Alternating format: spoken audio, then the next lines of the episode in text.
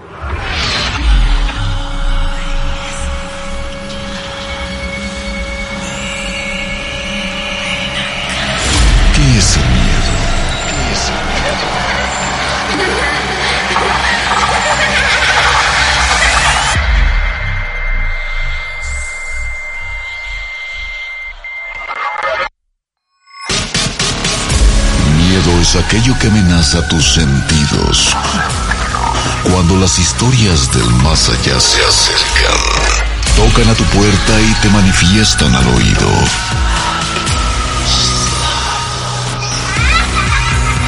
Así es, aquí está Rubén García Castillo.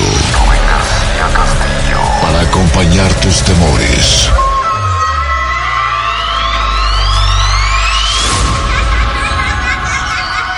Historias del más allá.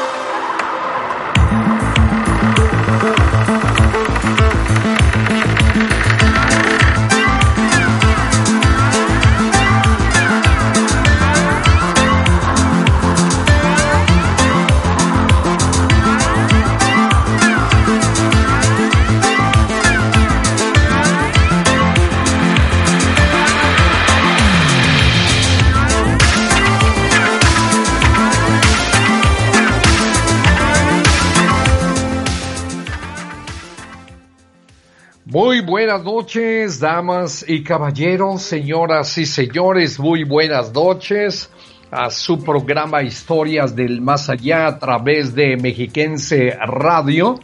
Nos da mucho gusto saludarles en esta ocasión de estreno, mes de estreno 1 de junio del 2020. Nos va a dar mucho gusto que usted esté con nosotros estas dos horas completitas ¿verdad? Para escuchar muy buenas historias de terror y de suspense. Reciba usted saludos, como siempre, el staff de lujo que hace posible esta transmisión. En la producción nos acompaña Carlitos, ¿verdad? Carlitos Gutiérrez, allá en los controles, Edithcita Cuevas Chapis. Saludos también a Paquito Díaz, Francisco Díaz Paquito y Alicia Bernardino en la continuidad como siempre, también a nuestros compañeros y amigos en la Universidad Juárez Autónoma de Tabasco, al Sistema de Radio y Televisión de Hidalgo, al Instituto Estatal de Radio y Televisión de Baja California Sur, Sistema Chiapaneco de Radio, Televisión y Cinematografía, a la Corporación Oaxaqueña de Radio y Televisión. En Veracruz nos escuchamos a través de Radio Más, Instituto Latinoamericano de Comunicación Educativa ILCE y a todos, pero a todos, los integrantes de la red de radiodifusoras y televisoras educativas y culturales de México, Asociación Civil. Para que este programa tenga brillo, solo falta una cosa. Esa cosa que falta, esa presencia, ¿verdad? De esas fuerzas que salen de por ahí es usted. Precisamente necesitamos que usted se ponga en contacto con nosotros a través de las vías telefónicas de comunicación. ¿Y de qué estoy hablando? De la famosa línea del terror. ¿Cuál es esa línea del terror? 800 590 3000 800 593 mil. En el Valle de Toluca estamos en el 275 56 27. El WhatsApp del terror está en el 122, eh, perdón, 722 443 1600. Repito, 722 443 1600. Redes sociales Twitter arroba del más allá guion bajo, Facebook, ya estamos transmitiendo a través de Facebook Live, historias del más allá, y nuestra página www.radio.y.tvmexiquense.mx. Con el gusto de saludarle a usted todas las noches y el agradecimiento de la misma porque a esta hora usted se conecta a través de el internet y se mete ahí en historias del más allá. Eh, y, vamos a iniciar el programa con mucho gusto para toda nuestra gente que nos acompaña. Diferentes lugares, en más diferentes países. También con mucho gusto que nos acompañan desde Perú, Costa Rica, Guatemala, Panamá, Colombia, eh, Perú ya lo dije, Chile, Argentina, eh, ¿cuál me falta? Ecuador también, con mucho gusto, a todos nuestros hermanitos de Sudamérica y Centroamérica y a nuestros queridos eh, paisanos en la Unión Americana, les enviamos un saludo muy, muy afectuoso. Márquele, márquele, márquele y cuéntenos su historia. Platíquenos cómo estuvo el asunto antes de suceder, antes de llegar al clímax de la historia. Platíquela con nosotros. Ahora dice, tengo otra historia, una chiquita, la puedo contar con mucho gusto, mi amigo, mi amiga. Aquí estamos para complacer hasta el más exigente de los escuchas en su programa Historias del Más Allá. Entonces, todo listo. También queremos agradecer muchísimo la colaboración de la jefa de información, divulgación e ilustración en mensajes, en historias, Carmen Peña. Saludos, Carmelita, que ella nos está acompañando desde casita. Saludo con mucho gusto y pues como dicen por ahí, señor, ya estamos listos para escuchar la primera historia de esta noche. ¿De quién se trata? Es de Christopher Castañeda de Iztapaluca. Querido Chris, muy buenas noches y bienvenido, amigo. Buenas noches, buenas noches. Bienvenido, muchas gracias por estar con nosotros. ¿Qué nos platica, amigo Christopher? Pues es una historia que tengo ya de hace algunos años pero sí. me hizo muy impresionante porque me pasó cuando yo tenía entre los 17 y 18 años. Perfecto, todo un jovencito, ¿verdad? Sí, ya ahorita ya, estoy un poco más grandecito. Eso, muy bien, mi querido. Ya, ya han pasado varios años, ¿verdad? Sí, ya, ya voy para los 27 años. 27, perfecto, muy bien. O sea, eh, estamos hablando de eh, 9 años, 10 años. Sí, por ahí más o menos. Así es. Pues la historia comienza que yo este vivía con mi abuelita en esos tiempos. Sí. Pero ella por cuestiones de enfermedad se tuvo que ir a vivir a una zona más limpia porque nosotros vivíamos en el cerro. Ya. Ajá, ah. entonces ella por cuestiones de enfermedad se tuvo que ir. Sí. Y en, su casa pues nos, nos quedamos cuidando mi hermano y yo nada más. Perfecto. Entonces, pues ya sabe, uno está más joven, le gusta andar de fiesta con los amigos. El rebane. Así es. Así es, amigo. En una de aquellas noches de fin de semana, una noche lluviosa, bien lo recuerdo, sí. me junto con mis amigos, éramos mi hermano, otros cuatro amigos y yo, en total seis personas. Y pues estábamos con la música, y hasta de las bebidas, etcétera. Y de repente, este, se nos va la luz, así, ¿no? Nosotros dijimos, ah, pues por la lluvia, ¿no?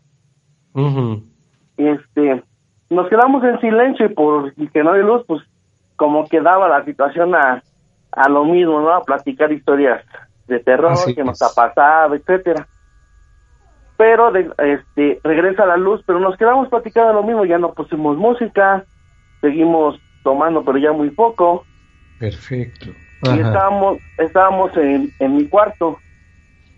Y una vez esas en la cocina, se empiezan a escuchar, o sea, entre la plática y todo eso se empiezan a escuchar ruido como de que se caían trastes. O sea, que se caían de la alacena. Claro. Y la verdad, por ejemplo, mi hermano y mis amigos siempre han sido muy miedosos. Dora. Ajá. Ajá, y pues sí, se quedaron así como de, ¿y eso qué fue? yo, yo le decía, pues tranquilo, o sea, se pudieron estar mal acomodados, se cayeron y todo, ¿no? Por supuesto, claro.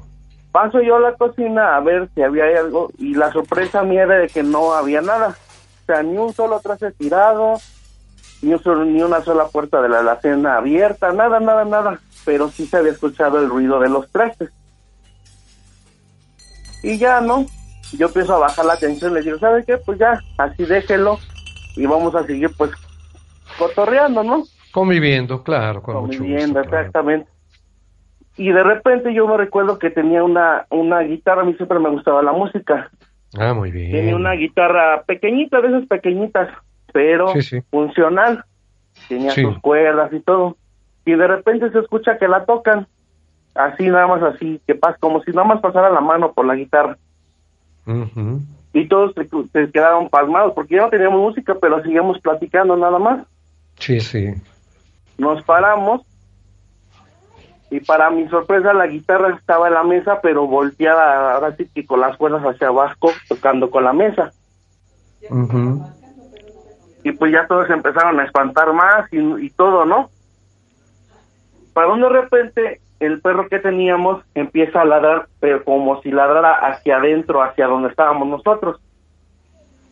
Lo cual, pues, se escuchaba de esa manera que ladraba el perro, ¿no? Estaba ladrando y ladrando, ladrando y ladrando, y, y de repente se quedó callado y se escuchó como, como un tipo lamento, que yo Sí. en ese lugar lo, lo conozco como el lamento del muerto. Sí. Es como un quejido, por así decirlo. Un quejido, ándale, sí, Ajá, sí. Que se escucha así, ah, así más o menos. Sí, sí, alguien que se queja, ¿verdad? Al- como ajá, con como dolor, como que tiene dolor, algo, exacto. algo le pasó a este hombre. Ajá. Entonces, como pues fue así de la nada, pues sí todos nos quedamos pues palmados y viéndonos unos a otros así con cara de qué fue eso, ¿no? Ajá. Y, y, y la verdad es que sí se sintió incluso como la temperatura bajó y un escalofrío. Ujú. Bueno, al menos yo sentí eso, no sé los demás, no les pregunté. Pero yo en ese momento sí sentí como un escalofrío y que bajó la temperatura. Y yo les dije, "Mm, puede ser que sea de la calle, pues como era un sábado en la noche, hay más fiestas así. A lo mejor Cierto. un perro mordió a alguien, yo todavía les dije así, ¿no? Ujú. Y ellos me dijeron, ah, pues sí, está bien. Volvió a ladrar el perro. Se vuelve a callar y se vuelve a escuchar, pero ya se escuchaba más cerca de nosotros. Ay.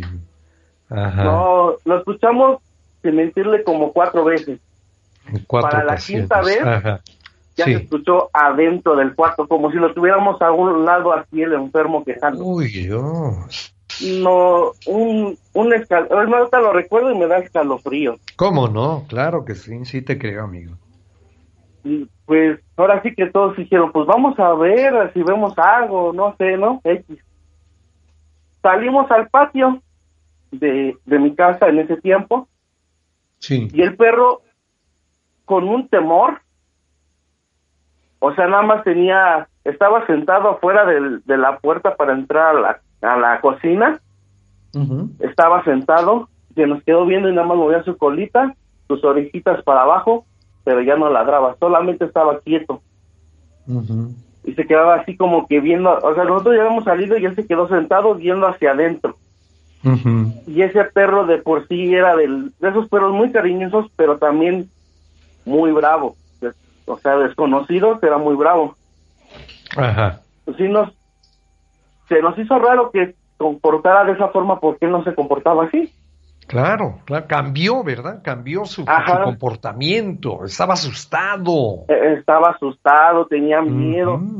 Incluso Sí. su comportamiento era muy dócil cuando él, pues no era agresivo, pero sí era muy juguetón y se, se, te trepaba con dos patas y quería que jugaras Ajá. con él. Siempre a la hora de que fuera día, noche, siempre era así. Sí, Y esa noche juguetón. no fue Era chiquito, ¿no? Estaba, era chiquito no, de edad, sí, ya vaya. estaba grande. No, sí, Ah, ya estaba estaba grande, grande. pero sí era muy así. Era juguetón, era muy Era alegre. juguetón, Sí, pero digo, muy bravo con personas desconocidas, incluso en la calle. Incluso ese perro que teníamos era muy querido en la calle porque cuidaba toda la calle. No dejaba pasar en la calle, o sea, sí lo llevó a a meter en problemas, pero Ajá. entonces se quedó así. Yo les dije, ¿saben qué? Sí. Ya vamos a relajarnos Sí. y vamos a seguir co- cotorreando, ¿no? Claro, claro. Cuando menos veo en el reloj, ya eran exactamente las 3, 3 de Ah. la mañana.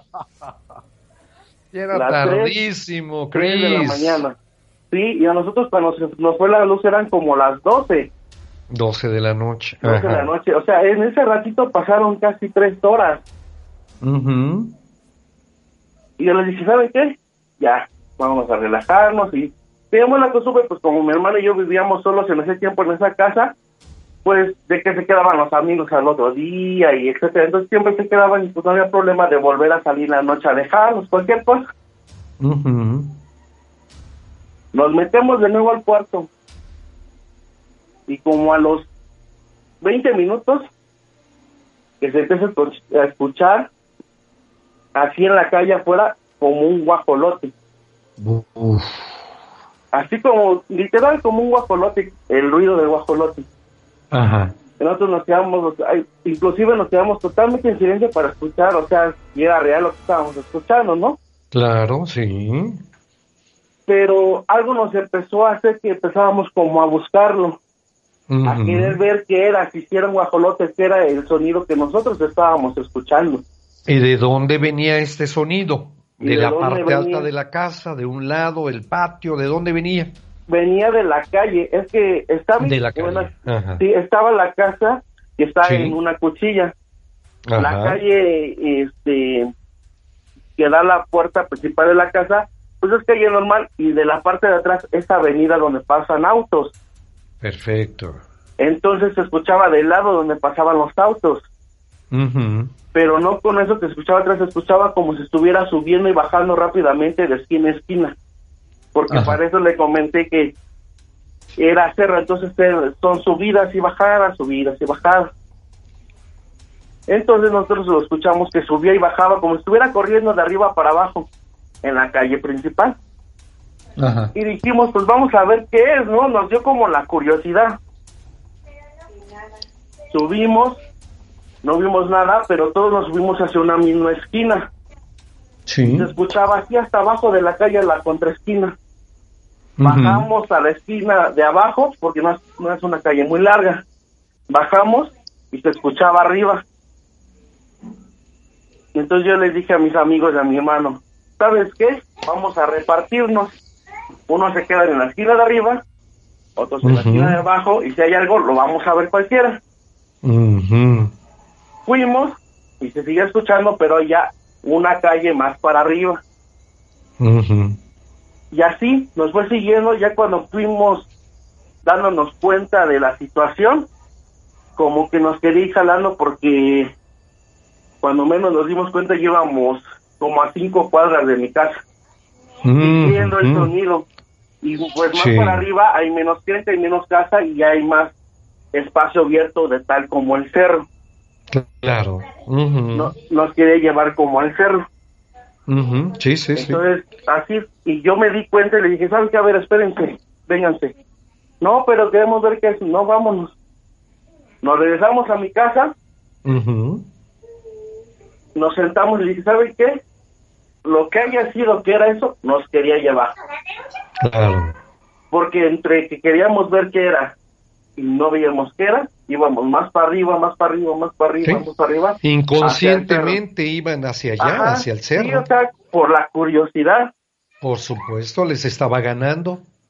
Exactamente, y lo más gracioso de, de la historia es que a una semana después me acordé de la guitarrita pequeñita que habíamos dejado en la mesa y yo dije, pues la alcé por ahí algún- y de ese día para acá nunca volvió a aparecer la guitarrita. Vaya, se la llevaron.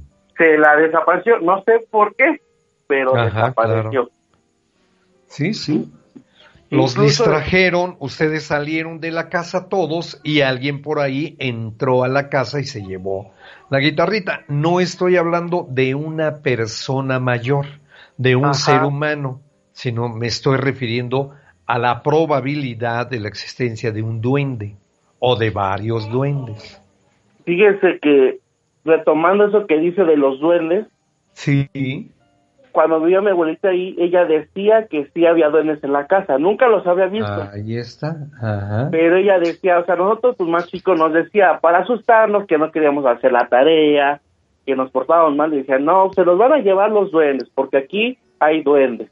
Ándele. Yo después, más grande, le decía a mi abuelita, ¿por qué nos decía eso? Nos decía, pues es que no nada más era para asustar, es que aquí hay duendes. De por sí en los lugares abiertos donde hay más naturaleza siempre se va más a que haya ese tipo de manifestaciones, duendes, cerdos, Claro. gnomos. Ajá.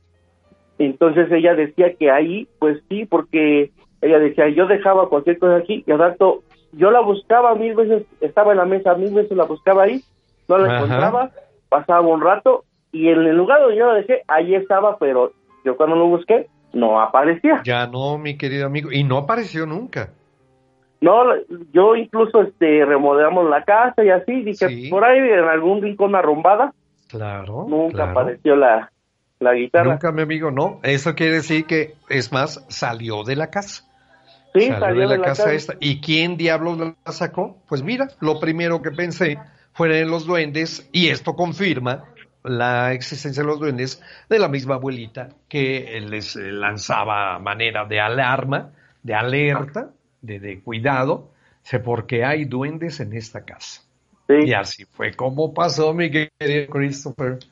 Así es, y pues ahora sí que Ah. prácticamente aquí fueron dos historias en una, porque, o Así sea, es. entre el lamento y el ruido que escuchamos, desapareció sí, sí. la guitarra y todos Ajá. subieron para llevarse la guitarra. Y no más, dirá. Ahora Y sí que que- perdieron por todos lados, mi querido amigo. Y es que al final de cuentas, por ejemplo, yo soy de las personas que no me da mucho miedo. Soy muy creyente sobre lo paranormal y Ah, la perfecto. existencia de eso. La verdad, siempre he sido muy, muy fanático de estas cosas del ocultismo, del Así es. paranormal, de lo paranormal. Claro, claro. Siempre me ha gustado mucho y por lo mismo me he formado a mí de que no me dé miedo y no me da miedo. Yo he vivido Ah, bastantes situaciones. Sí, sí, perfecto. O sea que cosas. vas a seguir hablando, mi querido Chris, Claro que para sí, me contarnos cada una de tus experiencias que yo has vivido, paz. ¿verdad? Y que obviamente los amigos historiomaníacos y yo en lo particular, bueno, todo el equipo de Historias del Más Allá, te vamos a agradecer mucho que te sigas manteniendo en contacto con nosotros. Mi querido Claro que Chris, pues sí. muchas gracias por haber llamado, mi querido amigo. De nada, gracias por recibir la llamada y pronto te estaré llamando para una nueva historia. Por favor, cuídeseme mucho y quédese en casita, por favor.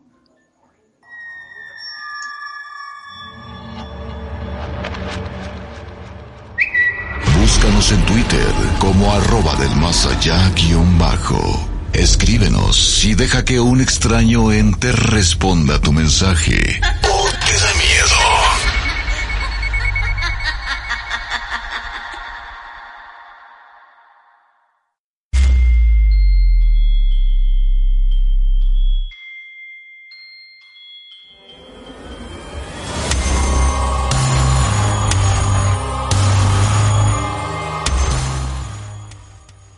Buenas noches, buenas noches, queridos historiomaníacos de su programa Historias del Más Allá a través de Mexiquense Radio.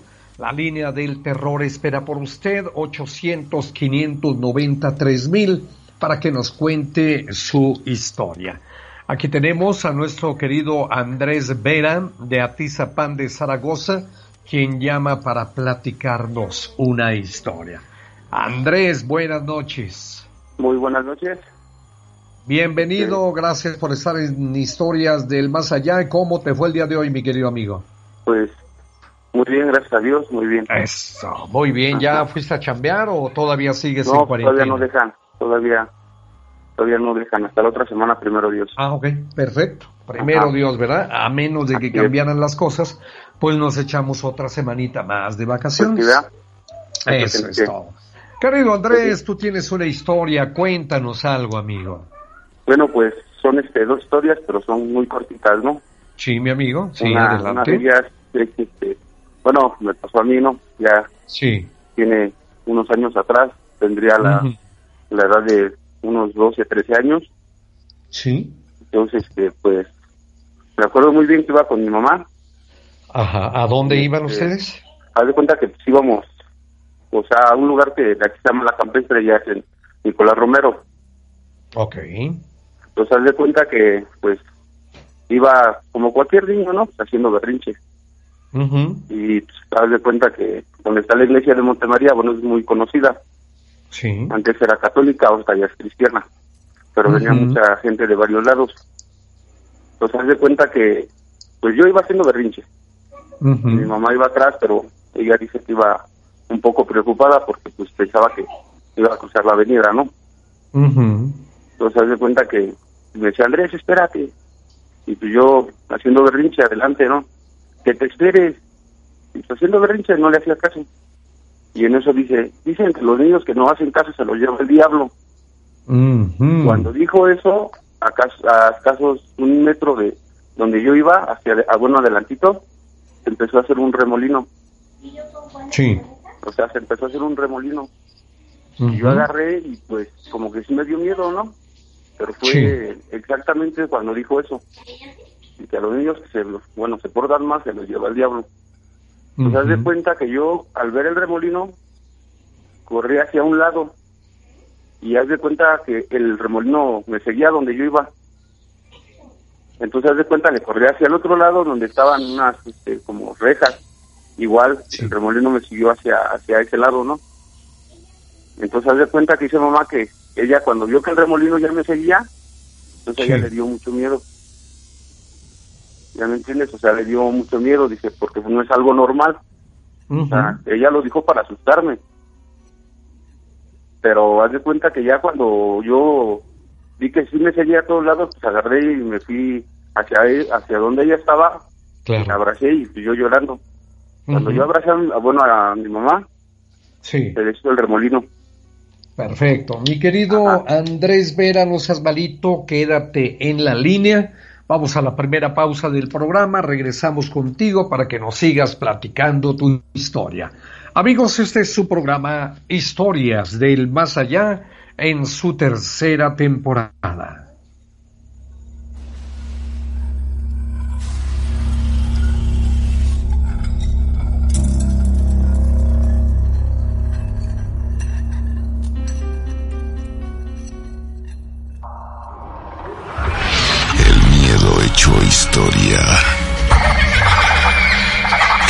Más pronto de lo que imaginas.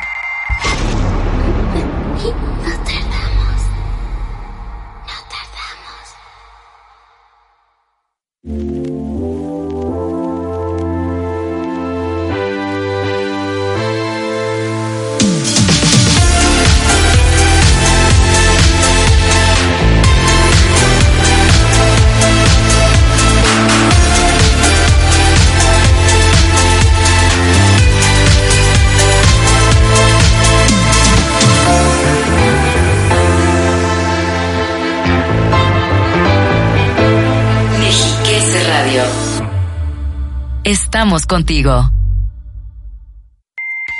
Si consideras que has superado todos tus miedos, espera a escuchar las siguientes historias. Estamos de vuelta.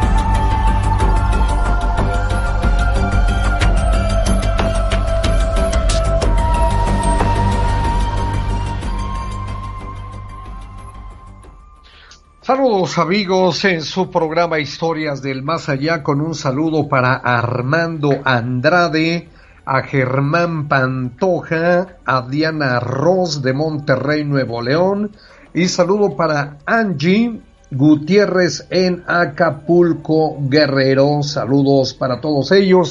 Buenas noches.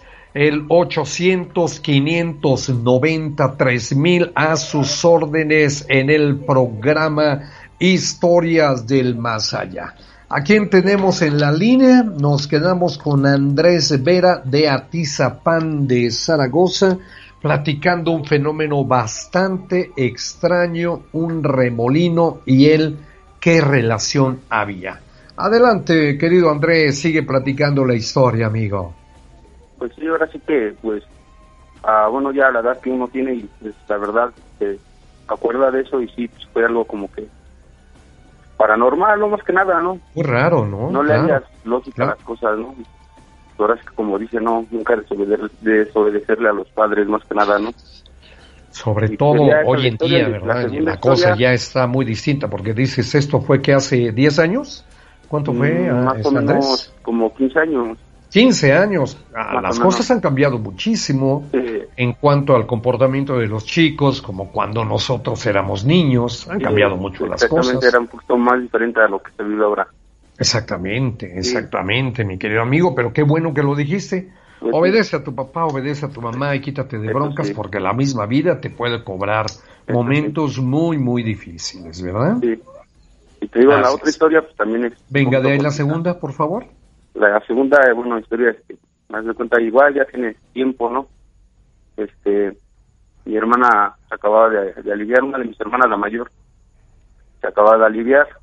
Sí. Entonces ya, igual, hace tiempo, pues, mis papás trabajaban haciendo este muñequito, eran como muñecos de, de plástico de látex. Antes se ocupaban mucho en los, este, bautizos, este, para ahora es como se llama, este, sí, este, de mamilitas, de chicles, o sea, era un, o sea, se desvelaban haciendo por, por el trabajo más que nada. La gente, el señor dice que le trabajaban, le urgía mucho, ¿no? Sí, sí. Entonces, pues mi hermana se alivió y, y en ese tiempo mi hermana quería cambiar de religión. Este, a, a, bueno, a, bueno, a la religión, a la religión cristiana.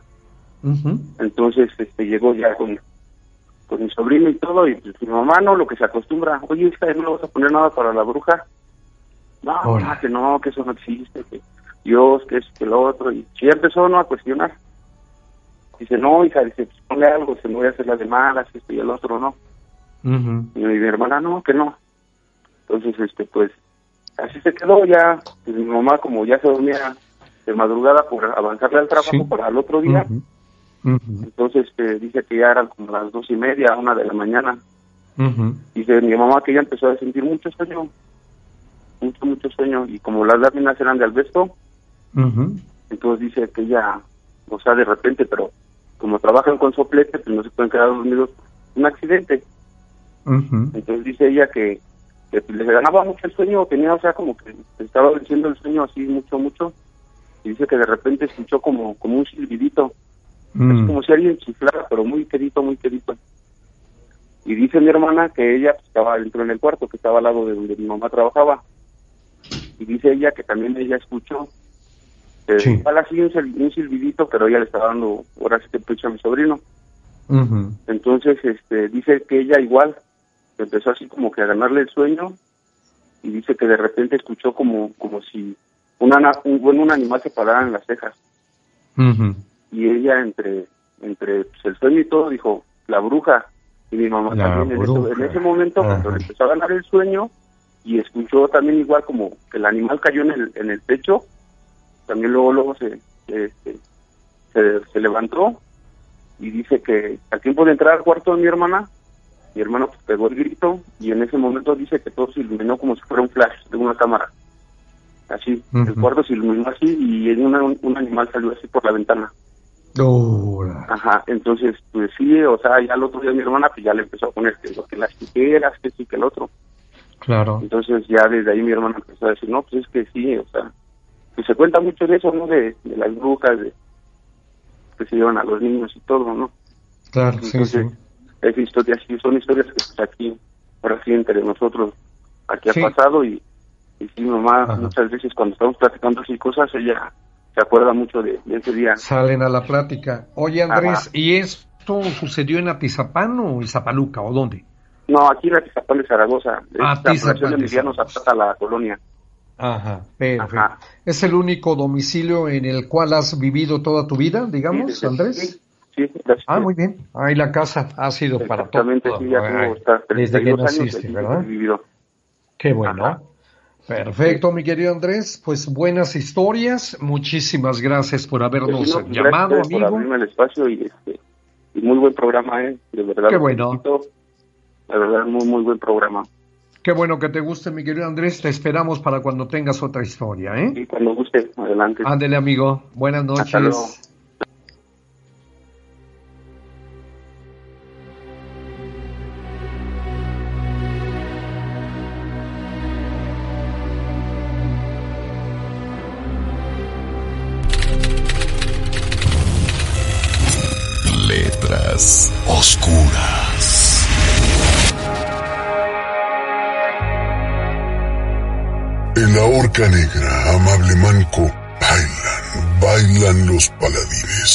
Descarnados actores del diablo. Danzan que danzan sin fin los esqueletos de Saladín. Rudos talones, nunca su sandalia se gasta. Todos se han despojado de su toga de piel. Lo que queda no asusta y se ve sin escándalo. En sus cráneos, la nieve ha puesto un gorro blanco. Y de pronto, en el centro de esta danza macabra, brinca hacia el cielo rojo, loco, un gran esqueleto. Llevado por el ímpetu, cual corcel se encabrita, y al sentir en el cuello la cuerda tiesa aún, crispa sus cortos dedos contra un fémur que cruje con gritos que recuerdan atroces carcajadas. Y como un saltimbanqui se agita en su caseta, vuelve a iniciar su baile al son de la osamenta. En la horca negra bailan, amable manco, bailan los paladines, los descarnados danzarines del diablo. Danzan que danzan sin fin los esqueletos de Saladín.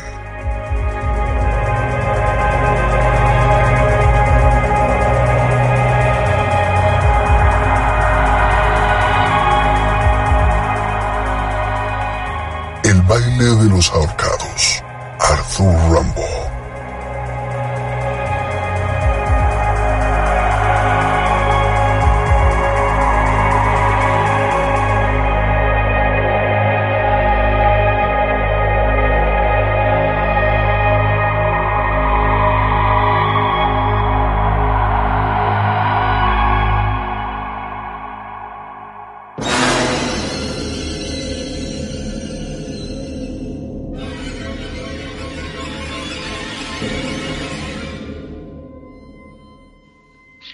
Seguimos, queridos amigos, su programa Historias del Más Allá a través de Mexiquense Radio. Saludo para el mejor programa Historias del Más Allá. Las noches no son iguales si no los vemos por la televisión. Podría mandar un saludito para la familia Rosales Rocha, pero para la hora de la televisión, gracias, saludos, buenas noches, con mucho gusto. Saludo también, por aquí tenemos el saludo, dice buenas noches. Don Rubén y Carmelita, saludos desde Laurel, primera sección, municipio de Temoaya. Los estamos escuchando. Muchísimas gracias a todos ustedes por estar en sintonía con su programa. Su programa favorito es el programa de historias del más allá. Me gusta historias del más allá, dice por ahí. ¿Qué tal? Me gustaría que hubiera más historias. Son ustedes unas excelentes personas. Me gustaría algún día conocerlos con mucho gusto, mi querido amigo. Otro comentario, buenas madrugadas desde Ciudad de México. Eh, saber, por favor, eh, si ya saben cuándo regresa en directo Historias del Más Allá. Tengo relatos que me han tocado vivir y en verdad son hermosos. Yo no deseo que me ocurran cosas, deseo relatarlos a lo largo de sus programas. Atentamente, Eduardo Nieto, mi querido Eduardo, todavía no hay, no hay orden de regresar a las instalaciones del sistema de radio y televisión mexiquense. Por lo pronto seguiremos transmitiendo desde casita, tanto Carmelita en la ciudad de Toluca como Rubén García aquí en la Ciudad de México, en el meritito corazón en la alcaldía Cuauhtémoc.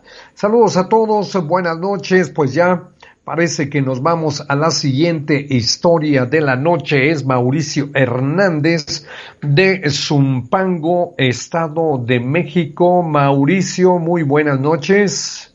Sí, muy, buenas noches. Este, Hola amigo, bienvenido, ¿eh? Don Rubén, sí, gracias. ¿Qué pasó, mi amigo Mao? ¿Cómo le fue? Bien, bien, bien, don Rubén. Todo bien, ¿verdad? Qué bueno. Amigo, cuéntenos, cuéntenos su historia de esta noche. Mire, don Rubén, este, esa historia es este de carretera, o sea, veníamos Muy bien, esas son buenas. Ajá. ajá, en carretera.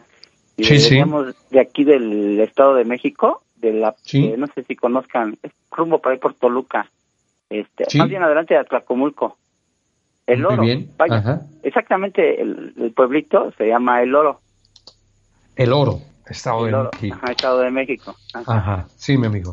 Entonces te veníamos este en la carretera ya de noche y ahí más o menos a este a la altura de ya para llegar casi, más bien pasando lo que es este Toluca, ya ve que está este está la Marquesa. Sí, señor. Claro. ajá, este pues ya yo venía yo chico, yo tendría en ese entonces como unos 12 años más o menos. Sí. Veníamos en un Datsuncito, unos carritos viejitos, modelo 76. Vámonos. Ajá. y este, eh, cuando veníamos en un, agarramos una curva, ya veníamos en la noche, ya este, veníamos, entonces mi mamá pues venía un poco, este, ¿cómo se llama? Pues como ya saben, ¿no? Habíamos convivido en la familia y como era familia de, de mi mamá, pues como les gusta tomar, a ese tipo de gente, bueno, les gusta tomar mucho el pulque de allá del oro. Uy, uy, uy, la bebida de los dioses. sí. Y bueno, que está bien bueno ese pulque allá del loro, Estado de México. Entonces, mi Uy, Dios mío. mi mamá venía un poco tomada y yo venía en la parte de atrás, sentado en las piernas de mi papá y adelante venía mi mamá y una de mis hermanas, que es la más chica tendría unos cuatro años más o menos, cuatro o cinco años mi, mi hermana.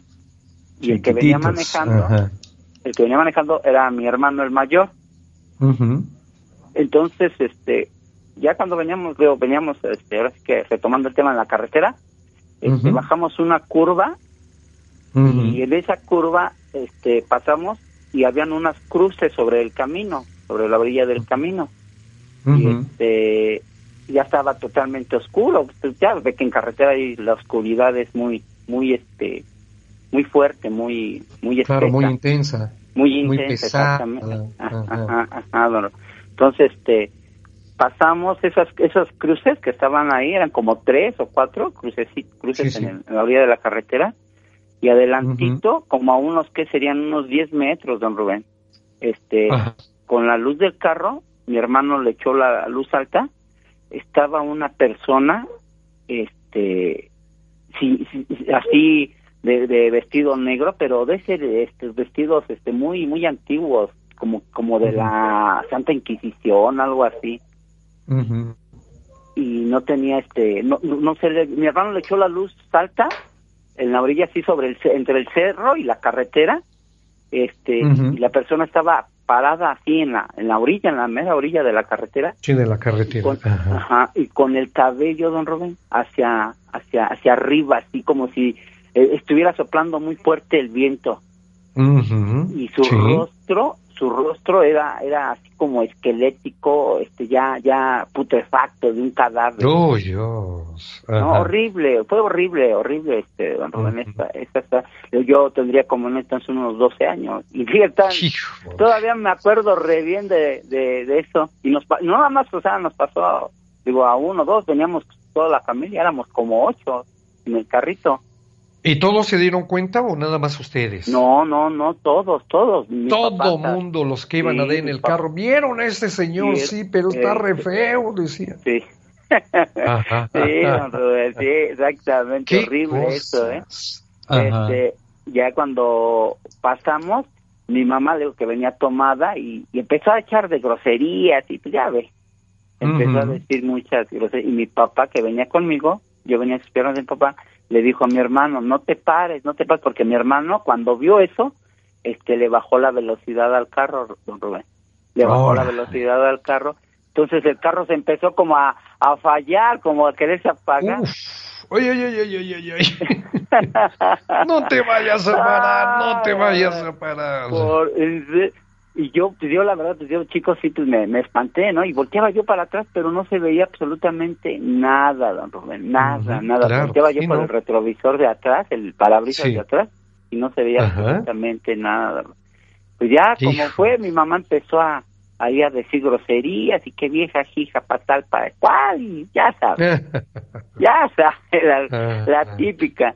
sí, sí, este, ya fue del modo ya fue del modo Ron que, que el carro empezó como que otra vez a, agarrar su paso. agarrar su ritmo, su pasito.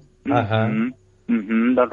y este ya fue del modo que ya ah, este avanzamos y ya mi papá agarró y sí sí medio como que le habló un poco fuerte a mi hermano de que no se parara que por que por qué dejó de, de acelerar o sea sí le, empezó a llamar la atención mi papá a mi hermano pero todos lo vimos, don Rubén, todos lo vimos. Mm, más.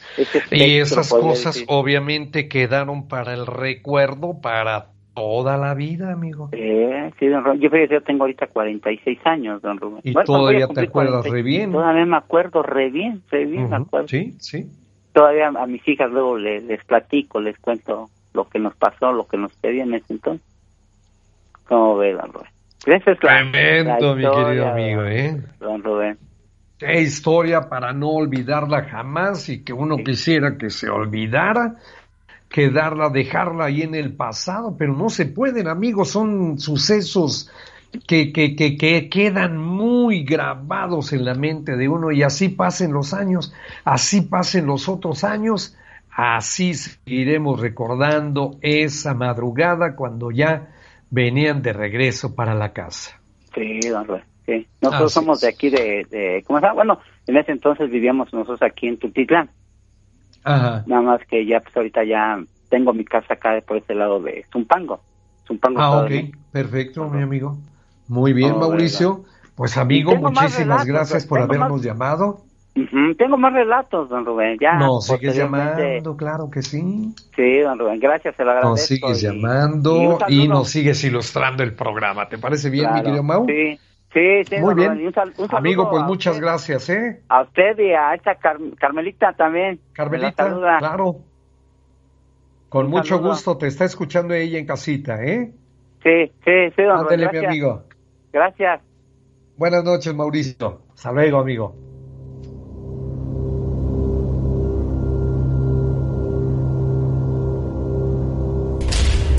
Hola, esta noche les quiero compartir lo siguiente. En una ocasión la amiga de mi hermana estaba desempacando, pues había mudado a una casa muy cerca a la mía. Yo la fui a visitar para ver cómo le iba en su nueva casa. Y cuando llegué, vi en la pared un cuadro y sorprendida le dije, oye, qué hermosa está tu última cena. Ella abrió los ojos muy sorprendida y me dijo, ¿qué? Volteando para todos lados muy sorprendida.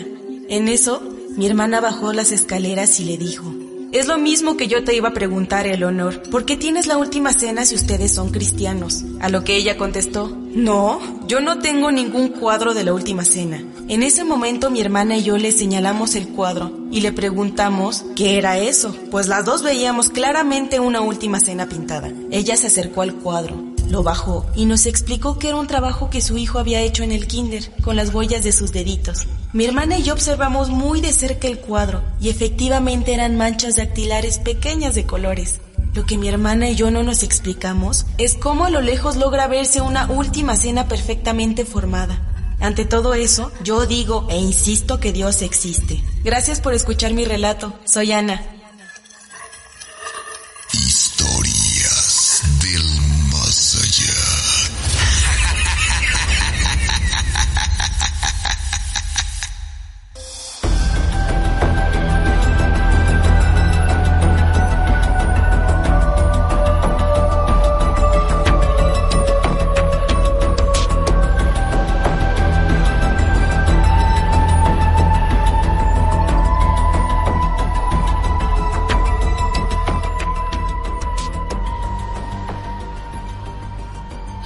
Amigos, amigas, en su programa Historias del Más Allá, los minutos finales de esta, la primera hora, con un saludo para Víctor Manuel Leiva Velázquez, a Iris eh, Susana, Iris Susana López Ochoa, de Tuxtla Gutiérrez, Chiapas, a Martínez Pedro y a Gloria Correa, los amigos maníacos que están conectados en este momento escuchando el programa Historias del Más Allá. Saludo para Azucena Betzabet, dice, tengo una historia, cuéntela mi amiga. Buenas noches, don Rubén y Carmelita, siempre los escucho, me gusta su programa, nada más para saludarlos y felicitarlos, muchas bendiciones. Saludos a todos, gracias por estar con nosotros y la línea del terror está a sus órdenes. La línea del terror es el 800-593-1000 para cualquier parte del mundo. Está usted en Japón, está usted en eh, Indonesia, está usted en Alemania, está usted en Holanda. Saludos a nuestros eh, paisanos mexicanos que están repartidos a lo largo y a lo ancho del mundo entero. Saludo, feliz inicio de semana, don Rubén y Carmelita, que tengan unas escalofriantes noches por parte de su amigo Isra Ortiz. Dice, mi esposo se llama Rogelio Gómez, diario los vemos desde Tejupilco, Estado de México, cumplió años 48 ayer. Saludos, felicidades, Rogelio y que vengan muchos, muchos más. Tenemos otro saludito por acá. Eh, se quiero mandar un saludito, buenas noches, un saludito a Historias del Más Allá. Soy fan y nunca me pierdo un solo programa. Saludos y muchas gracias por acompañarnos. Buenas noches, Rubén y Carmelita siempre los escucho y me gusta su programa. Saludos a todos, 800 590 3000, su programa favorito, Historias del Más Allá. Terminamos hasta las 0 horas 12 de la noche. Los felicito, excelente programa, Raúl Hernández. Saludos a todos y vámonos con María del Rosario, vecina de Metepec, Estado de México. Hola Mari, buenas noches. Hola, buenas noches. Bienvenida, María del Rosario Santiago, ¿verdad? Sí. bueno, mi querida Mari, cuéntenos una historia porque nos quedan pocos minutos para despedir esta hora y luego vamos a seguir ya iniciando la segunda hora también contigo. Cuéntanos tu historia, Mari. Bueno, esto me pasó en el estado de Veracruz. Muy bien. Me pasó que estaba con mi familia, bueno, con mis primos, mis hermanas. Estábamos en un, bueno, en la casa de mi tío. Estábamos, este, bueno, mi tío tenía en obra negra su casa. Sí. Entonces estaba, mi hermana estaba hablando con su novio. Y de ahí escuchamos que mi papá nos gritó. Y yo le dije a mi hermana, hay que bajar. Nos dijo, no, yo, me quedo aquí. Le dije, bueno. Entonces todos nos bajamos y nos hablaron. Bueno, mi papá me habló y me dijo, métanse hasta dentro de la cocina. Le dije, sí. Entonces nos metimos y dice, no se espante. Digo, ¿qué pasó? Y entonces empezamos a escuchar así como de la ópera pero así como se escuchaba muy feo. Así muy, muy feo. Y entonces uno de mis tíos mm, dijo que era la muerte. Oh. Sí. Y en la otra ocasión nos pasó allá en la Ciudad de México. a ver, permíteme, antes de irnos, mi querida Mari, eh, decías que fuera como el canto, como si ustedes estuvieran en la ópera. ¿Es correcto? Sí, se escuchaba así muy, feo. Ah, ok. Uno de los tíos dijo, cuidado, es la muerte y viene por alguien. Ajá. Oh, Dios. Afortunadamente no pasó a mayores, ¿verdad? Mm, pues no, pero... Ah, pero el sustazo. Sí. el sustazo nadie se los quitó, mi querida Mari. Así es. Y entonces, esa es una historia. ¿Esa dónde sucedió, Mari? En el estado de Veracruz. El en Veracruz. el pueblito así ah. de mis papás. Perfectísimo. Y ahora nos vamos a la Ciudad de México, porque también tenemos una historia de por ahí que, te, que le sucedió a toda la familia. Sí, de hecho estaba estaba con mi cuñado y mis dos hermanas. Estábamos, ya eran como eso de las 12 de la noche. Igual empezamos a escuchar y que nos bajamos corriendo con mi mamá. Le digo, es que escuchamos otra vez ese, ese sonido. Y mi cuñado dice, están locas. Le digo, no, sí. Cuando vemos que viene corriendo espantado mi cuñado, es que sí lo escuché, dice. Y al otro día nos un vecino nos comentan que fallece. Oh. Entonces, pues a lo mejor pienso que sí, sí era la muerte. Era la muerte. ¿Cuántos días pasan o transcurren del primer evento al segundo? del, ¿En Veracruz? Sí, el de Veracruz y luego el de la Ciudad de México. ¿Pasó mucho tiempo entre uno y otro? Sí, en Veracruz ah, igual le digo que después de media hora que llegamos a escuchar eso, falleció una de mi, bueno, familia, abuelita. ¿Sí? Ajá. Ah, qué cosas. Qué cosas que, que, uno no sabe qué es lo que pasa, mi querida Mari. María del Rosario Santiago, pero bueno, de que eh, las cosas se dan, se dan eh, de improviso, uno no piensa en que sucedan esas cosas, está uno con la familia y pues total, amiga, que se dan los hechos y es cuando los agarran mal parados esto, ¿verdad? Sí, de hecho luego lo cuento así, no me y dicen, ay. No me vayas a colgar. Espérame tantito, amiga, regreso contigo, vámonos a la pausa chocolate. Es Historias del Más Allá en su tercera temporada. Si consideras que has superado todos tus miedos, espera a escuchar las siguientes historias del Más Allá. Estamos de vuelta.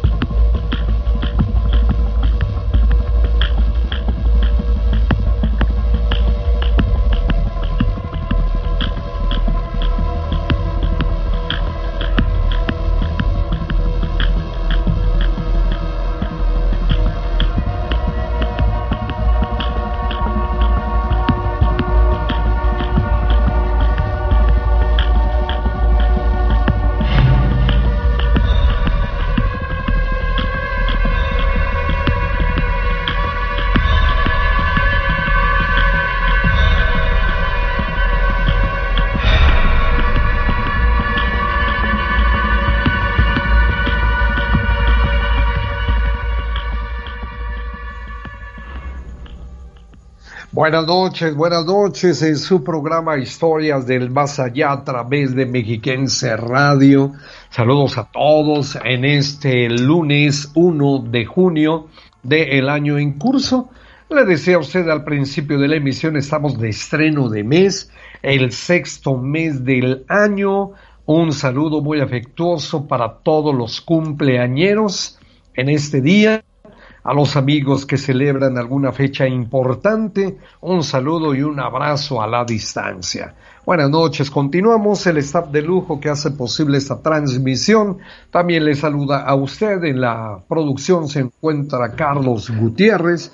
Saludos también en los controles a Edith Cuevas. En la continuidad se encuentra Francisco Díaz Paquito y Alicia Bernardino, deseando a ustedes muy buenas noches. Pues saludo para todos, saludos con mucho gusto. También un saludo para, para ahora sí que la reina de la casa, Ina Naomi García Cabrera, que en este momento está dando un besito a Abu en señal de despedida porque ya se va a dormir. Y ustedes se preguntarán, ¿la niña a las 11 de la noche ya se va a dormir? Sí está de vacaciones, ha cumplido con sus tareas. Perdón, no son vacaciones, perdón Perdón, perdón, que no son vacaciones. Bueno, hay una pausa, ha habido una pausa ahí en sus estudios, y ella ha cumplido al pie de la letra con sus eh, tareas y todo, pues ella se puede quedar un poquito más tarde a ver, ¿verdad?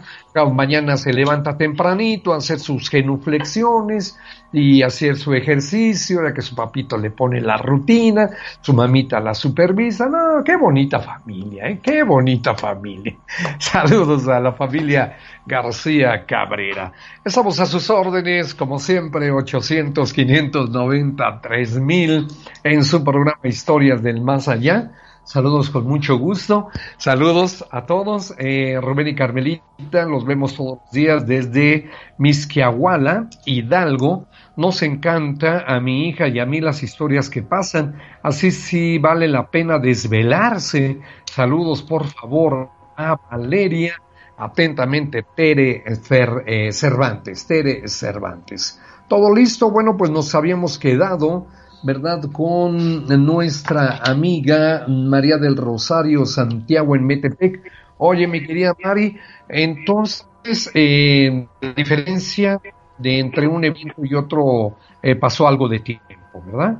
¿Mande? Que pasó algo de tiempo entre un evento y otro.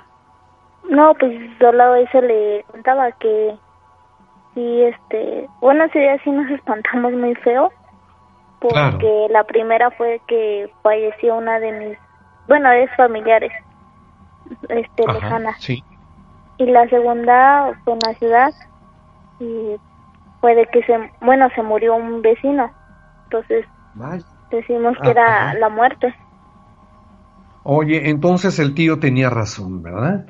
Sí, de hecho ahí me acuerdo y me da cosa. no le has preguntado, oye tío, ¿y cómo supiste tú que el, eh, el canto este de la gorda, porque por lo regular las, las eh, mesosopranos o sopranos son gorditas, dice, ¿tú cómo sabes que la gordita estaba anunciando la muerte? Pero era muy extraño, muy feo ese canto, ¿verdad? Según sí, dices. De hecho, sí. De hecho, ese día en Veracruz había baile y pues tuvieron que cancelar el, el baile porque había fallecido esta persona. Vaya, vaya. Muy querida por el por esos lares, debo suponer. ¿Mandé? Que era muy querida por esos lares esta persona. Al ya suspender ese evento tan importante es porque era muy querida ella o él. Eh, bueno, de hecho, eh, bueno, ahí en el pueblo es de que cuando fallece una persona, toda la comunidad tiene que ir. Ah, muy bien, sí. Esa es la tradición, la costumbre. Sí. Así es, pues, muy bien, muy buena historia, mi querida Mari. Perdón, ¿me ibas a decir algo, Mari? No, digo, luego les vuelvo a marcar, tengo más historias.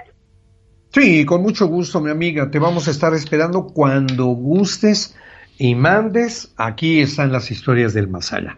Pasa bonita noche, Mari. Sí, muchas gracias. Hasta luego. Hasta luego, amiga. Adiós.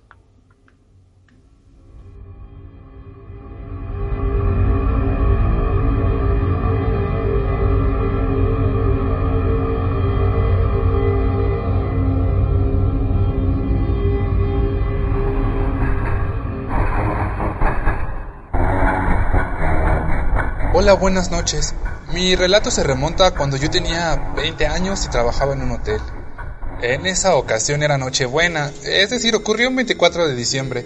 El hotel en el que trabajaba estaba casi vacío.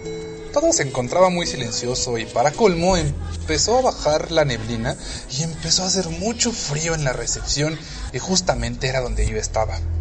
Para no sentir tanto frío ni la baja de temperatura, decidí irme a una de las habitaciones vacías que estaba justo enfrente. Al estar ahí me recosté y me tapé con las cobijas para quitarme el frío. Poco a poco me fui quedando dormido. La verdad estaba muy agotado, pero de repente algo me despertó. Empecé a sentir cómo me jalaban los pies bruscamente y me llevaban hacia el pasillo. Cuando pude pararme, comencé a buscar desesperadamente quién había hecho eso para reclamarle. Pero ahí no había absolutamente nadie más que yo. En ese momento yo me sentía tan enojado y más molesto que espantado, pues pensaba que estaban tratando de hacerme una broma. Decidí dar la vuelta por el hotel solo para cerciorarme de que todo estuviera en orden y que no hubiera algún intruso o un huésped molestando a los demás o jugando bromas. Pero nada, todo estaba tranquilo y normal. Un poco más calmado regresé a la habitación de donde yo había salido para seguir descansando. Y así pues, ah, nuevamente estaba a punto de cerrar los ojos cuando, cuando vi una silueta como eh, de neblina justo a un lado de la cama donde yo estaba. Ahí fue donde comencé a espantarme, pues yo no podía creer que eso fuese una persona. Me levanté corriendo a prender la luz y de inmediato aquella forma se desvaneció. Con miedo me salí rápidamente de la habitación hasta llegar a las escaleras. Ahí me paré por unos segundos y extendí los brazos para sostenerme del barandal. Lo más fuerte de mi historia sucedió en este punto, pues al mirar hacia arriba pude ver claramente a un joven de playera negra que iba subiendo las escaleras. De repente él se paró, se asomó hacia abajo y con su mano derecha comenzó a decirme adiós. Ese chico no estaba hospedado en el hotel, pues yo había visto a todos los que entraron ese día. Un fuerte escalofrío recorrió todo mi cuerpo al darme cuenta, después que se despidió de mí, simplemente ah, desapareció. A la mañana siguiente le platiqué todo lo que me había sucedido a una de las señoras de limpieza y ella ya llevaba muchos años trabajando en ese hotel. Al contarle mi relato ella puso una cara muy seria y al terminar mi relato ella me dijo Ay Marco, a mí se me hace que viste al muchacho que se mató aquí en el hotel.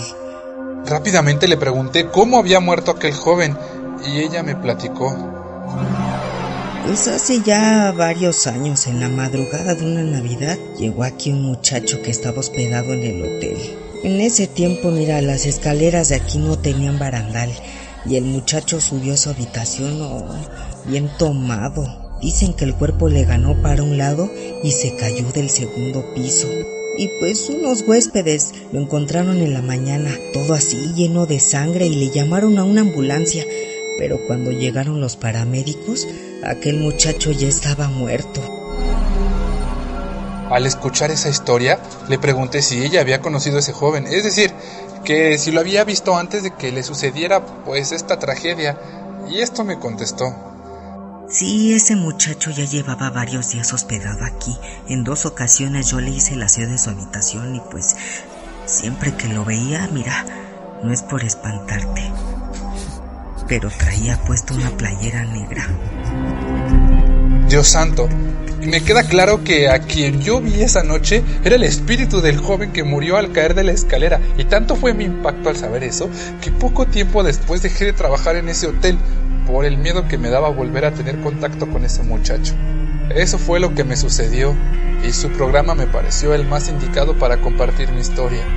Gracias por leerme, mi nombre es Marco Luna. Del más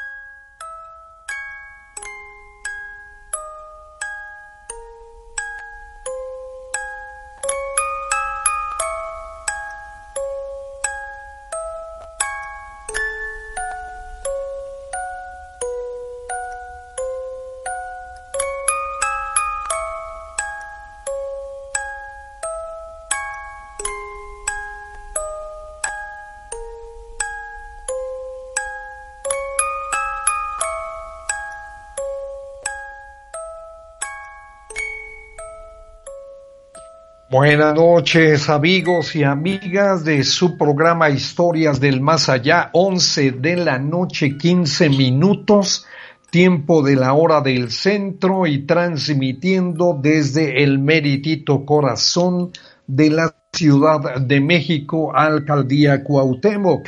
Saludo para Carmen Ledesma, un saludo también con mucho gusto para Moisés del Cid, quien también está reportándose, Silvio Tolentino, gracias. Saludos a Daniel Sánchez, a Sharon Melina, saludos a Max Hernández de Veracruz y Leti Islas de Pachuca, Hidalgo.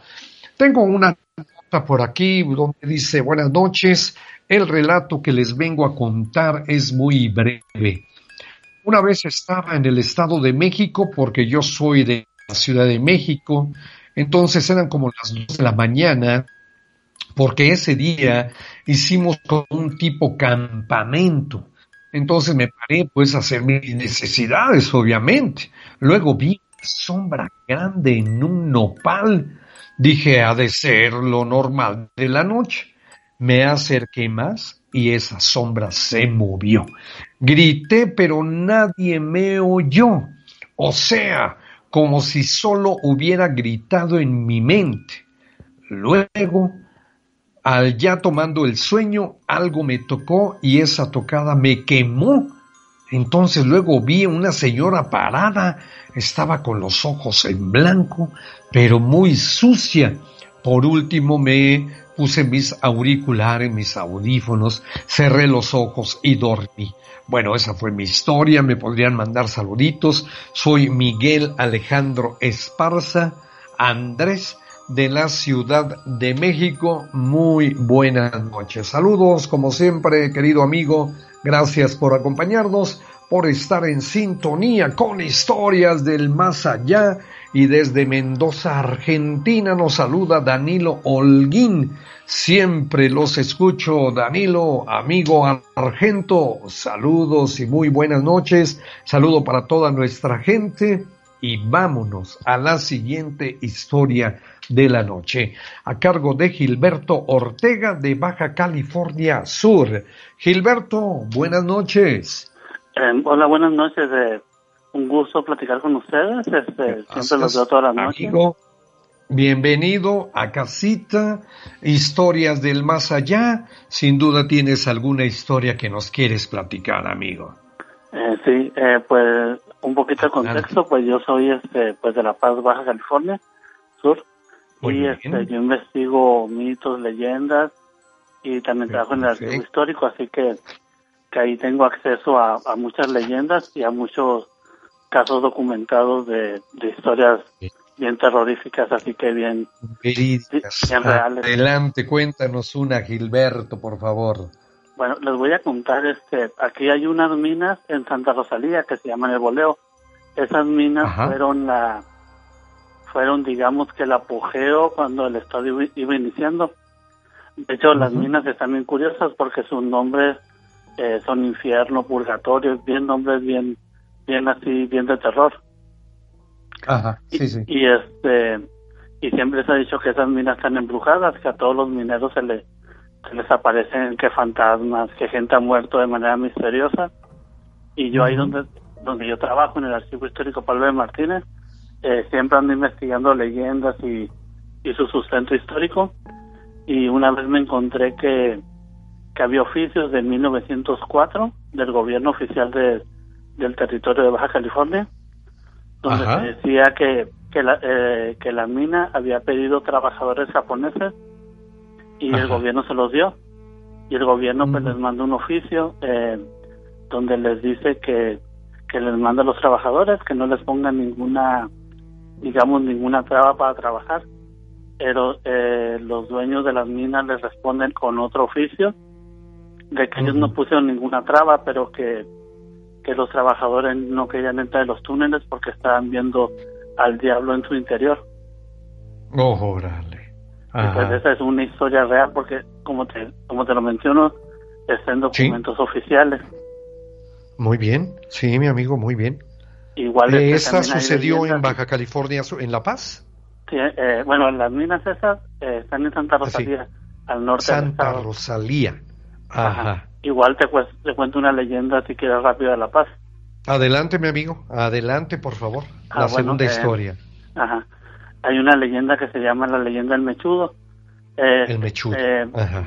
Igual, este, igual que la minería, aquí se desarrolló mucho lo que fue la perla, la pesca de perla también este se, traían también este personas de fuera para que la pescaran porque digamos la la complexión de los nativos aquí no era suficiente y se traían indios yaquis se traían de otras de, de otras complexiones más fuertes. Se dice que en una ocasión, este, lo que, lo que pasa que había una tradición de que al final de la temporada, la última perla que se sacaba era la perla de la Virgen.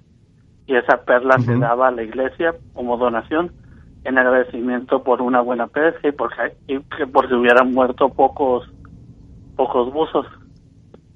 Entonces, en una ocasión ya se había sacado la perla de la Virgen y un buzo se vuelve a aventar y sus compañeros le dicen, oye, no está bien, pues ya sacamos el la perla de la Virgen.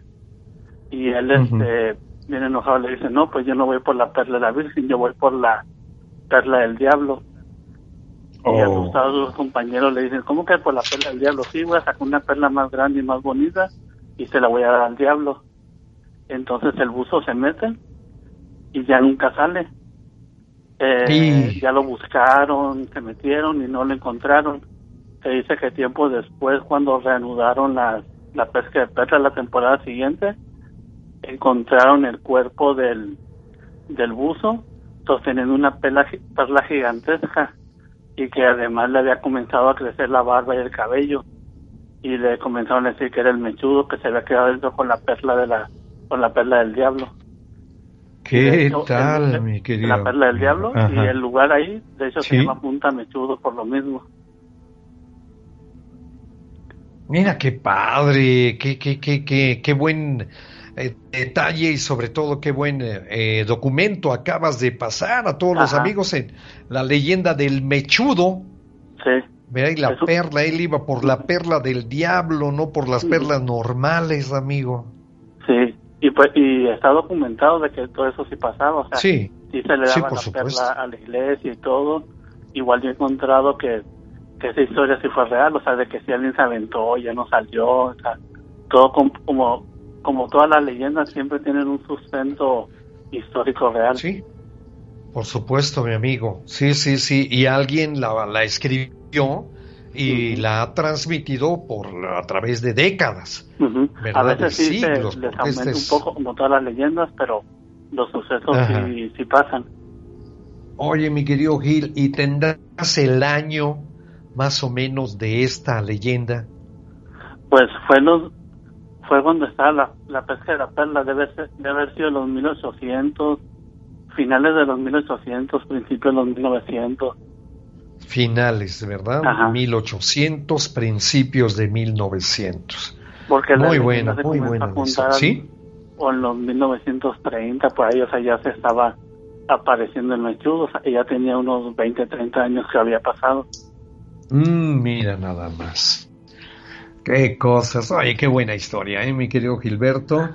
Y Sí. has de tener de, para, ma- de material para el programa, que uff, ¿qué Sí, te eh, cuento, eh, de hecho, aprovechando, pues los invitamos a todos, a ustedes, que vengan a Baja California Sur, está lleno de, aparte de playas bonitas, muchas leyendas de, piratas, de tesoros, de, de la perla, de fantasmas, hasta vampiros tenemos por acá. Perfecto. Muy bien. ¿Cómo no, mi querido Gil? Te vamos a tomar la palabra y a la primera oportunidad nos vamos a dar una vueltecita por Baja California Sur, lugar Sí. bellísimo de la República Mexicana.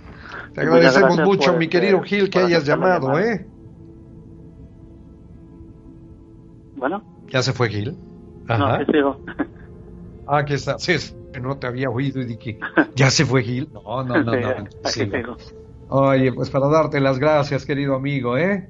No, pues gracias a ustedes, este, y pues siempre los veo y, y pues es un honor que me, que me hayan permitido contarles un poquito de lo mucho que tengo por aquí. Claro, mi querido amigo, te sigues reportando, por favor, Gil, para que nos sigas contando buenas historias. Claro, cuando gusten. Cuídate mucho, mi Gil, y pasa bonita noche.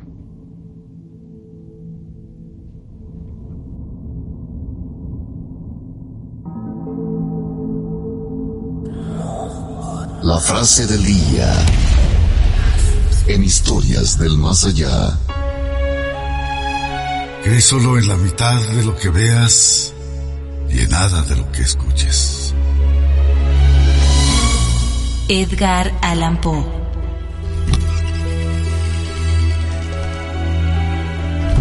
Cuando la noche llega, las pesadillas se convierten en realidad.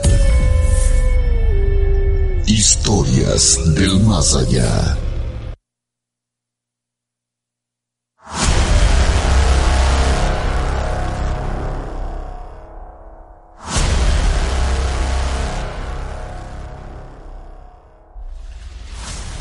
Sus órdenes en su programa Historias del Más Allá a través de Mexiquense Radio. Márquele, márquele esa línea del terror que está bufando. Está lista para recibir su llamada 800-590-3000. Nos va a dar mucho gusto saludarle, amigo, amiga. Eh, buenas noches, saludo desde Coscomatepec, Veracruz no nos deja su nombre y vamos a la siguiente historia. En el Oro, Estado de México, Alan Gómez está listo para contarnos. Querido Alan, buenas noches. Hola, buenas noches. ¿Cómo estás, amigo? Muy bien, muy bien, gracias. ¿Y usted? Bien, muchas gracias, muchas gracias. Gracias por estar con nosotros en el mejor programa de la radio en México en su horario nocturno, Historias del Más Allá. Cuéntanos una historia, por favor, amigo. Ah, bueno, este, pues mi historia es un poco cortita, pero él va. Venga, venga, vamos a escucharla. Este, pues, un, un día, en, es que mi papá tiene un, un rancho. Sí. Y este, pues fuimos porque creo que era una boda, no me acuerdo bien. Entonces, este, pues, eh, está como, pues, en un tipo monte, tipo, pues sí, como en un cerro. Sí. Entonces, eh, mm, bueno, mi hermano tenía una lámpara una una de esas pues como de metal que tienen taser y todo eso. Ajá. pues yo era muy muy muy miedoso. Entonces este pues un día dije ah, pues, me voy a calar a ver cuánto dura y agarré la, la lámpara y pues me salí este del de la hacienda pues del, de la casa. Entonces pues eh, me salí a, pues, a caminar, me salí solo y me salí pues al monte, entonces pues era como un caminito muy estrecho, este era, era pues así de que puras hojitas, eh, pues los árboles así muy pegados, eh, pues todo, todo padre porque pues de día está bien bonito ahí. Entonces, este, em, pues continué caminando así de noche solo y pues según hay trampas, o sea, hay trampas en plan para los coyotes y así. Pero pues, o sea, sí tenía bien eso, en mente, entonces pues no me iba por el, pues por así, me iba por los caminitos, pues. Ajá. Entonces, en San José del Rincón, ahí es por donde está el rancho. Ajá. Este, contaba hace como, bueno, sí, ya tiene un rato, ya tiene bastante tiempo que decían que pues aparecía uno que se llamaba el encuerado, bueno, así le decía. El encuerado. Entonces, este, pues según era un señor que pues te perseguía cuando ibas en carro, que porque lo atropellaron y no sé qué. Entonces, pues... Aguántame tantito, aguántame tantito, mi amigo, vamos a la última pausa del programa. Regresamos para seguir escuchando la parte importante de esta historia y el encuerado en historias del más allá en su tercera temporada.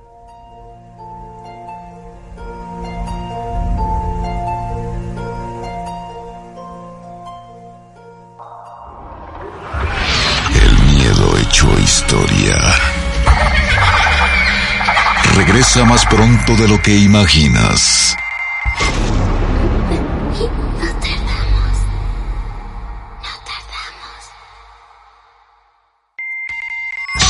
Consideras que has superado todos tus miedos, espera a escuchar las siguientes historias Estamos de vuelta.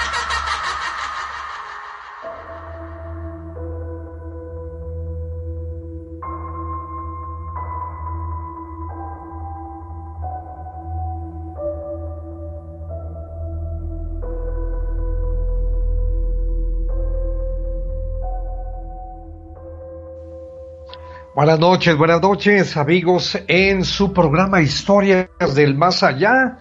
Hola, saludos escuchando las mejores historias de terror y de suspenso en la radio. Saludo para Emanuel Valero de Tejupilco, saludo para Juan Nolasco, buenas noches, y Alan Gómez de El Oro, Estado de México, sigue con su historia. Mi querido Alan, seguimos escuchando tu historia. Adelante, amigo, por favor. Entonces, este, ¿en qué me quedé? En lo del encuerado. Ah, sí, sí, sí. Bueno, Era lo que más o menos me, me quedó así algo de la historia. Ah, sí, a ver, entonces, pues este, ya iba, iba pues caminando normal, ¿no? Ahí por, el rancho. Entonces, este, pues le digo que se aparecía según uno que se llama el encuerado. Entonces, mm, pues yo continué normal y como le digo, tenía una lámpara de esas de metal. Entonces se regulaba como la luz, o sea, no sé si me entienda que era de, de que le girabas una, una, una cosa, la girabas y se hacía más grande la luz o más chica.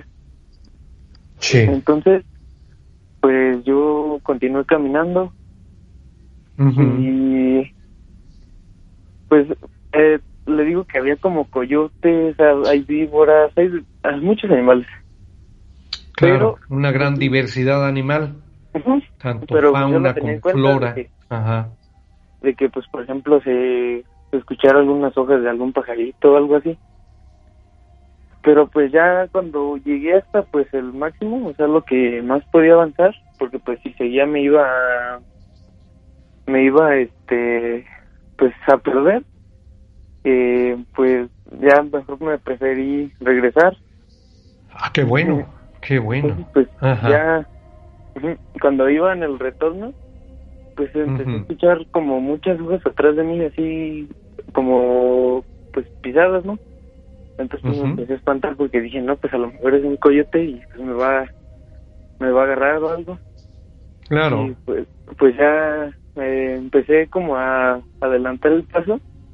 Entonces pues como soy bien miedoso, iba pues volteando la, la linterna hacia atrás, pero pues no, no veía nada, hasta que en una de esas apunté hacia un árbol y se veía así clarito, clarito una silueta viéndome, así, un, era una persona eh, como con, o sea, el rostro no se le veía por, pues por la luz, pero, o sea, era una persona así de traje completo, traje completo, Ajá, sí. Y este pues cuando lo vi pues me, puse a correr porque dije no pues si si no llego pues ya no llegué entonces pues corrí corrí corrí corrí entonces pues seguía seguía volteando con la linterna y pues ya no lo veía entonces fue como de uff pues ya me libré ya este, Hijo.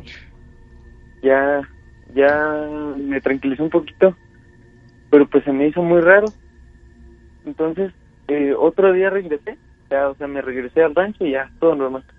Pero otro día regresé al mismo lugar, pero ya de día. Y este, pues me, me, me fui y me regresé solo.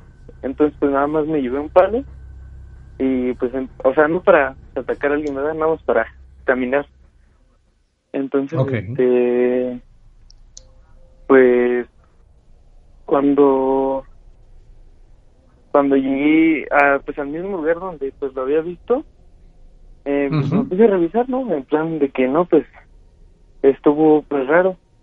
Y justo justo donde me había quedado parado había como un agujero pero estaba tapado como con hojitas de las que se pues yo pongo de las que eh, de las secas o sea porque pues, había hojitas de recién caídas y así.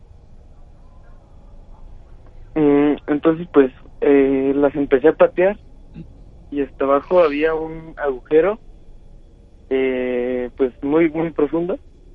Y pues me quedé de, ¿qué onda? Pues, o sea, las trampas no son así, porque, pues, esto sea para una trampa para encerrarte. Entonces pues, me empezó a dar miedo y pues me regresé de nuevo. Pero, o sea, cuando me iba, eh, ya les, pues, les conté todo a mis a mis amigos de allá y me dijeron que que pues este que no que, porque ellos son los que ponen las trampas y todo eso. Que no que ellos no hacen las trampas así que pues las cosas este eran diferentes. Entonces yo me quedé de qué onda o sea no no es normal que esté algo así. Entonces pues, ya con el paso del tiempo nos pusimos a investigar y pues supuestamente era un, un, señor que vivía por ahí, pero pues, o sea, eh, no se dedicaba a nada, nada más era de que pues vivía así solito. Entonces pues ya al final me dijeron que pues a lo mejor me quería hacer algo, no sé, porque pues como vio él solo, y pues ah, sí me dio miedo ese día. Muy bien, y con esto terminamos la historia, mi querido Alan Gómez. Salió bien librado de esta experiencia, la, la aparición de un caballero ataviado elegantemente con traje, pero ¿qué hacía un hombre con traje en esos lugares? Esa es uno de las una de las tantas interrogantes. Perfecto, pues Alan, muchas gracias amigo por haber llamado. Ah, sí, este, gracias igual por, pues por permitirme contar mi historia un poco corta, pero ahí está. Eh, lo bueno que fue corta, que si hubiera sido larga, imagínate, mi querido Alan. Ah, Te agradecemos mucho, amigo. Bonita noche. Igualmente, gracias. Hasta luego, amigo. Hasta luego.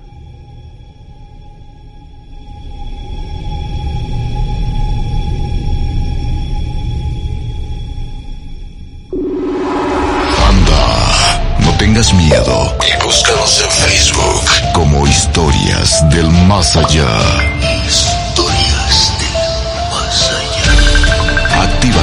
Las notificaciones y deja que el terror te invada, noche tras noche.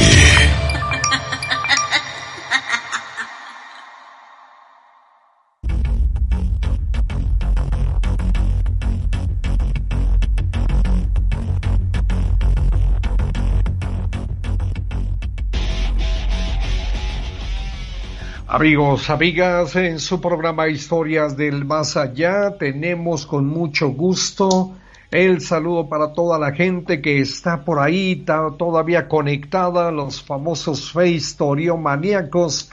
Saludos y muy buenas noches. Siguiente historia de la noche a cargo de Manuel Alejandro Millán desde Santiago Tianguistenco. Saludos, Manuel Alejandro, buenas noches. ¿Qué tal? Muy buenas noches. ¿Cómo están? Bienvenido. Muy bien, mi amigo. Todo muy bien. ¿Y por allá qué tal? Pues aquí con algo de frío. es un poquito de frío. Qué bueno que está haciendo frío. Se siente sabroso y bien tapadito uno para dormir, ¿verdad? Sí, claro que Querido amigo, bienvenido. Cuéntanos una historia, Manuel Alejandro. Creo que sí. Miren, este, normalmente yo vivía aquí en Santiago Tenchistenco Sí. Este, cuando yo era más o menos hace como unos cuatro añitos.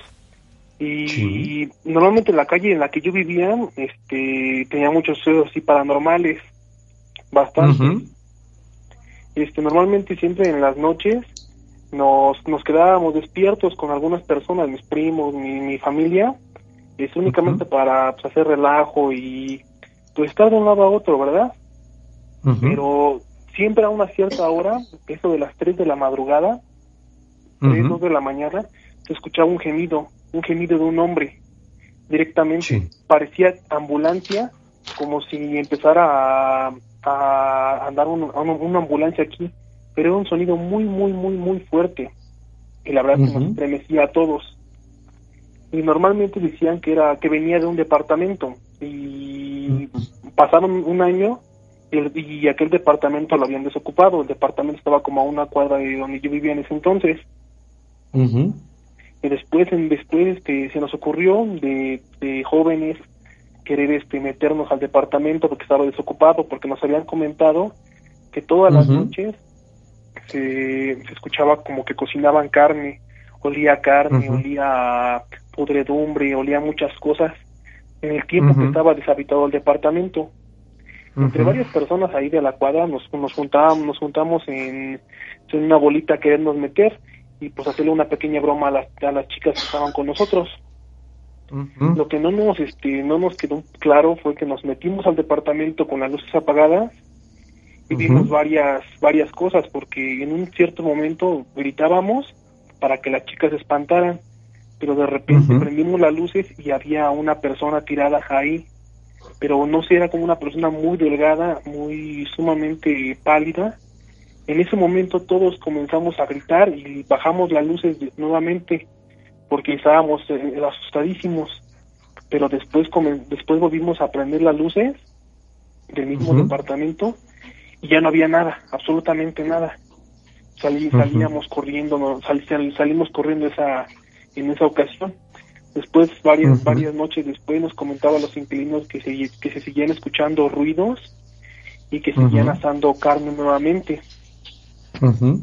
Este, la verdad es que nos dio varias, bastante curiosidad de investigar y nos fuimos con la dueña del, del, con la dueña del de, de los departamentos a preguntar y nos platicaba que ahí habían este que, que tenían unos como se llaman unos jóvenes que, que hacían diferentes cosas en las noches pero pues la verdad no no quisimos indagar más porque nos nos comenzaron a asustar y pues uno uno que estaba joven no dirían le daba bastante miedo verdad pero pues, aún a la fecha que he llegado a ahí ahí por ahí por la calle donde yo solía vivir este, me siguen contando las personas que siguen escuchando ese tipo de ruidos ese tipo de, sensaciones ese tipo de aromas y la verdad es que es para asustarse un poquito.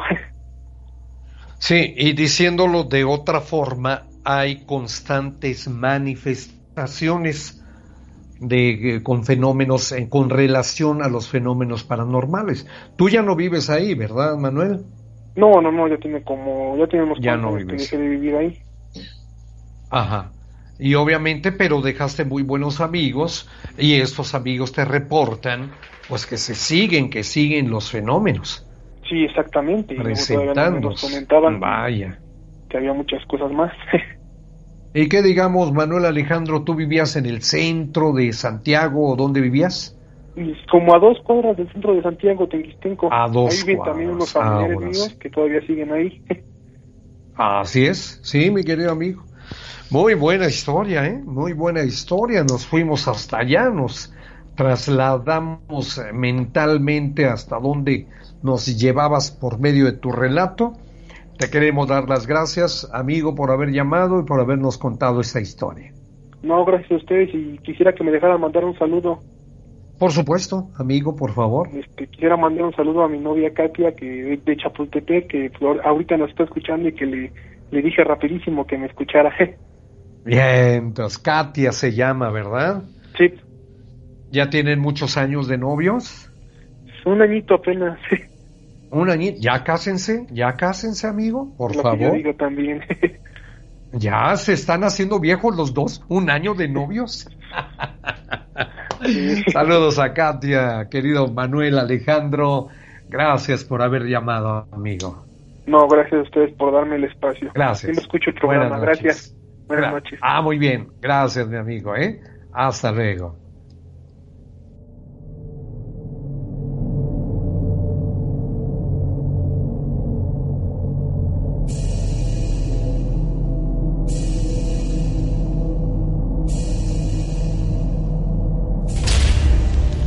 Hola, tenebrosas noches para todos los que están escuchando. Quisiera contar una breve experiencia. Cierta noche nos estábamos cambiando de local. Les comento que yo trabajo en un taller. Una noche me quedé con mi hermano a cuidar el viejo local. Resulta que nosotros teníamos la mala costumbre de corretear a los perros que se metían al taller. En aquella ocasión, recuerdo que se metió un perro de tamaño anormal. Yo muy espantado le dije a mi hermano que viera aquel animal tan raro pero extrañamente me dijo que él no veía nada. Les juro que yo sí estaba viendo a ese perro extraño. Fue cuando caí en cuenta de lo que estaba presenciando, por lo que le dije a mi hermano que se pusiera para atrás, pues lo que se había metido no era un perro. Yo podía ver cómo se le salían los huesos de la columna vertebral y se le notaba demasiado flaco. También me acuerdo que era color carne. No sé, eso, eso era un animal muy extraño. Es más, aún ahora no sé si era un animal. Lo que sí les digo es que lo que yo vi no era un perro. Saludos, ojalá lo digan al aire.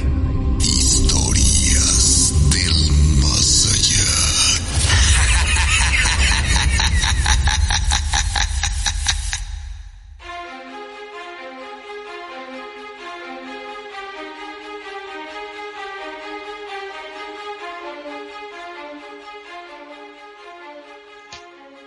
Saludos, saludos y buenas noches, amigos. Llega un mensaje donde dice quiero contarles mi historia antes de morir. ¿Cómo? La gente tiene que saber los peligros de la Ouija y los demonios. Acabo de empezar unos tratamientos de diálisis y no me queda mucho tiempo. Hay un demonio que por mucho tiempo me ha atormentado. Y todo empezó hace mucho cuando sin considerar ningún riesgo jugué a la Ouija. Por favor, no lo hagan, pues les aseguro que eso no es un juego, aunque así nos lo presenten. Soy Salvador Santillán. Querido Chava, muchas gracias por la advertencia, lo hemos dicho, lo hemos repetido hasta el cansancio pero ya ves cómo se dan las cosas. Gracias por haber llamado, mi querido Chava. Échele muchas ganas y vamos a tener Salvador Santillán para rato. Buenas noches, pueden mandar un saludito a la familia Gaspar Urbina. Los escuchamos desde Valle de Bravo. Gracias, gracias a todos. Saludo como siempre, queridos amigos, pues hemos llegado a la parte final de su programa favorito, Historias del Más Allá. Pero bueno, ¿Qué va usted a pensar? Que en unos minutitos se tiene que ir a la televisión porque el canal 34.1 va a difundir el programa Historias del Más Allá. Ahí nos vemos, Carmelita y un servidor. Muy buenas noches, Carlitos Gutiérrez, Edith Cuevas, Francisco Díaz Paquito, Alicia Bernardino, un servidor de ustedes, Rubén García Castillo, deseando bonita noche. Mañana acompañemos a nuestra compañerita Carmelita Peña para la conducción del programa en otra emisión más de Historias del Más Allá. Buenas noches y váyase acostumbrando a dormir con las luces encendidas. Buenas noches.